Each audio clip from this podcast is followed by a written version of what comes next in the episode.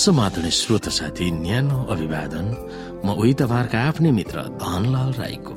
श्रोता आज म तपाईँको बीचमा बाइबल सन्देश लिएर आएको छु। आजको बाइबल सन्देशको शीर्षक रहेको छ निरन्तर रूपमा उहाँतिर खिचिनु पर्दछ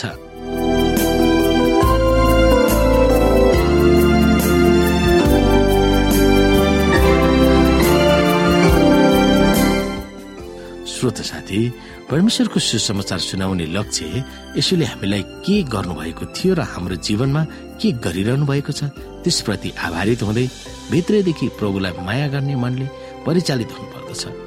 त्यो बाहेक अरू कुनै कारणले जस्तै कसैको घरकापले वा चर्चमा मिसनले हराएको वा खटाएको भनेर सुसमाचारको काम गर्छौँ वा पदाधिकारी भएर काम गर्छौँ हामी सही लक्ष्यबाट विचलित भएर काम गरिरहेका हुन्छौँ।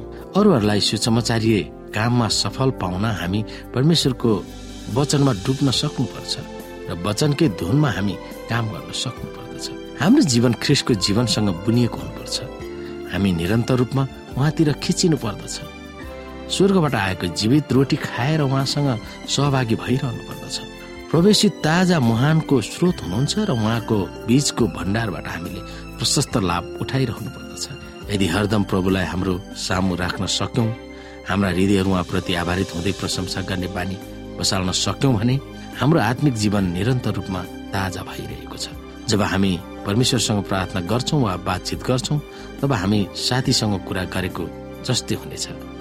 उहाँले हामीलाई व्यक्तिगत रूपमा उहाँका रहस्यहरू हामीलाई बताउनु हुनेछ अनि प्राय जसो यसुको मिठासपूर्ण आनन्द लिने उपस्थितिको हामीले अनुभव गर्न सक्ने हुनेछौँ। जब हामीसँग कुरा गर्नु उहाँ नजिक आउनुहुन्छ तब हाम्रो हृदय जलिरहनेछ। हनोकको अनुभव त्यस्तै थियो। जब यसु भक्तले यो सत्यतालाई अनुभव गर्छ तब उसको जीवन सरल सादा नम्र कोमल र झुकिने खालको हुन्छ। उनी जो जोसँग संसर्ग गर्छन् तब तिनीहरूले त्यो भक्त यसुसँग रहेको रहेछ र उहाँबाट सिकिरहेको रहेछ भन्ने आभास पाइरहेको हुनेछ। जुन मानिसको जीवनको केन्द्रबिन्दु आफू मात्रै छ आफ्नो मात्रै भाउ खोज्ने र अरूहरू आफूले भनेको जस्तै चलेको हुनुपर्छ भन्ने मनस्थितिमा छ। त्यस व्यक्तिमा आत्मिक वृद्धि हुन सक्दैन र उसको जीवन फलदायी पनि हुँदैन। यदि तपाईँले यसुलाई आफ्नो व्यक्तिगत मुक्तिदाता हुनुहुन्छ भनेर ग्रहण गर्नुहुन्छ भने तपाईँले आफूलाई बिर्सन सक्नु पर्दछ र अरूहरूलाई सहयोग गर्न प्रयास गर्नुपर्छ।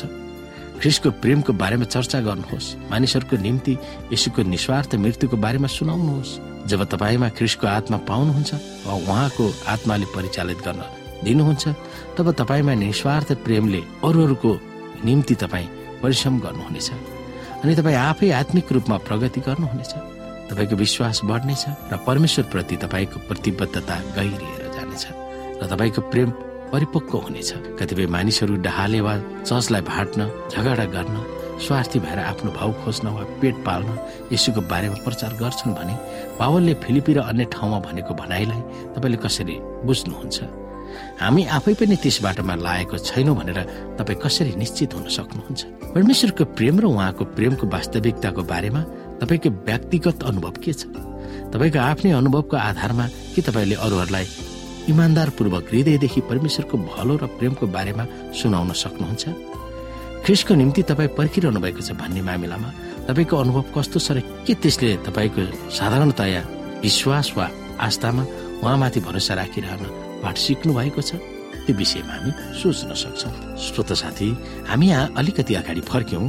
चेलाहरू सबैजना पवित्र आत्माले भरिएर पवित्र आत्माले तिनीहरूलाई दिनुभएको उच्चारण बमोजिम तिनीहरू अन्य भाषाहरूमा बोल्न लाग्यो भनेर हामीले प्रेरित दुई अध्यायको चारलाई ध्यान गरेका थियौँ।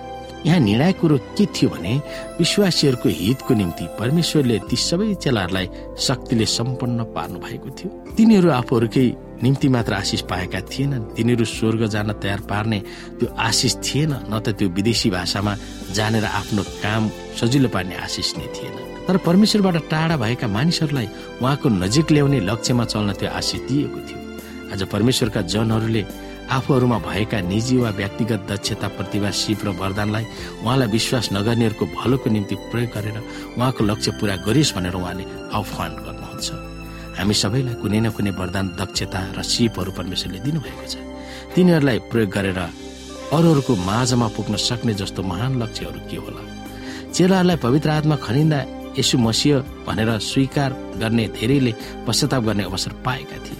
जब यसुलाई मारियो कतिपय ती मानिसहरू एरुसलेममा थिए त्यहाँ भएको शक्तिको बारेमा सोच्न हामी सक्छौँ।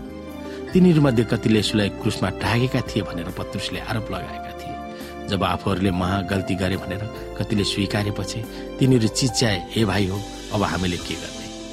तिनीहरूले क्षमा पाउन सकिन्थ्यो। त्यसकारण पत्रुसले तिनीहरूलाई सम्बोधन गरे पश्चाताप गर र तिमीहरूका पाप क्षमाका निम्ति यस ख्रिसको नाउँमा तिमीहरूले प्रत्येकले बत्तिसमा लिऊ र तिमीहरूले पवित्र आत्माको वरदान पाउनेछौ भनेर प्रेरित दुई अध्यायको अर्थमा भनिएको छ। पवित्र आत्मासँग तालमेल गरेर एक आपस मिलेर काम गर्दा ती चेलाहरूले पश्चाताप गर भनेर यसुको बारेमा प्रचार गरेका थिए र तिनीहरूले तिनीहरूको पापको क्षमा पाउनेछन् भनेर आश्वस्त पारेका थिए। यसैलाई क्रुसमा टाक्न ती मानिसहरूले सक्रिय भूमिका खेले तापनि यदि तिनीहरू पश्चाताप गरे तिनीहरूले क्षमा पाउनेछन् र सुसमाचारको शक्ति नै त्यो थियो। यदि यो सन्देशले हामीलाई हाम्रो लक्ष्यमा चल्न प्रेरणा दिएन भने केले प्रेरणा हामीलाई दिन सक्छ? हामीले यी कुराबाट बुझ्न सक्छौ यस संसारका पापी भ्रष्ट अनैतिक अत्याचारी र भ्रष्टाचारीहरूको माझमा सुसमाचार फैलाउनु हामी सबैलाई आह्वान गरिएको छ। हाम्रो काम कसैको मूल्याङ्कन गर्ने कसैको न्याय गर्ने कसैको धर्म ठिक वा बेठिक भन्ने होइन। हाम्रो काम चाहिँ यसुको मुक्ति दिने शक्तिको बारेमा साँची दिने हो। यिनी कुरामा हामी विचार गर्न सक्दछौँ।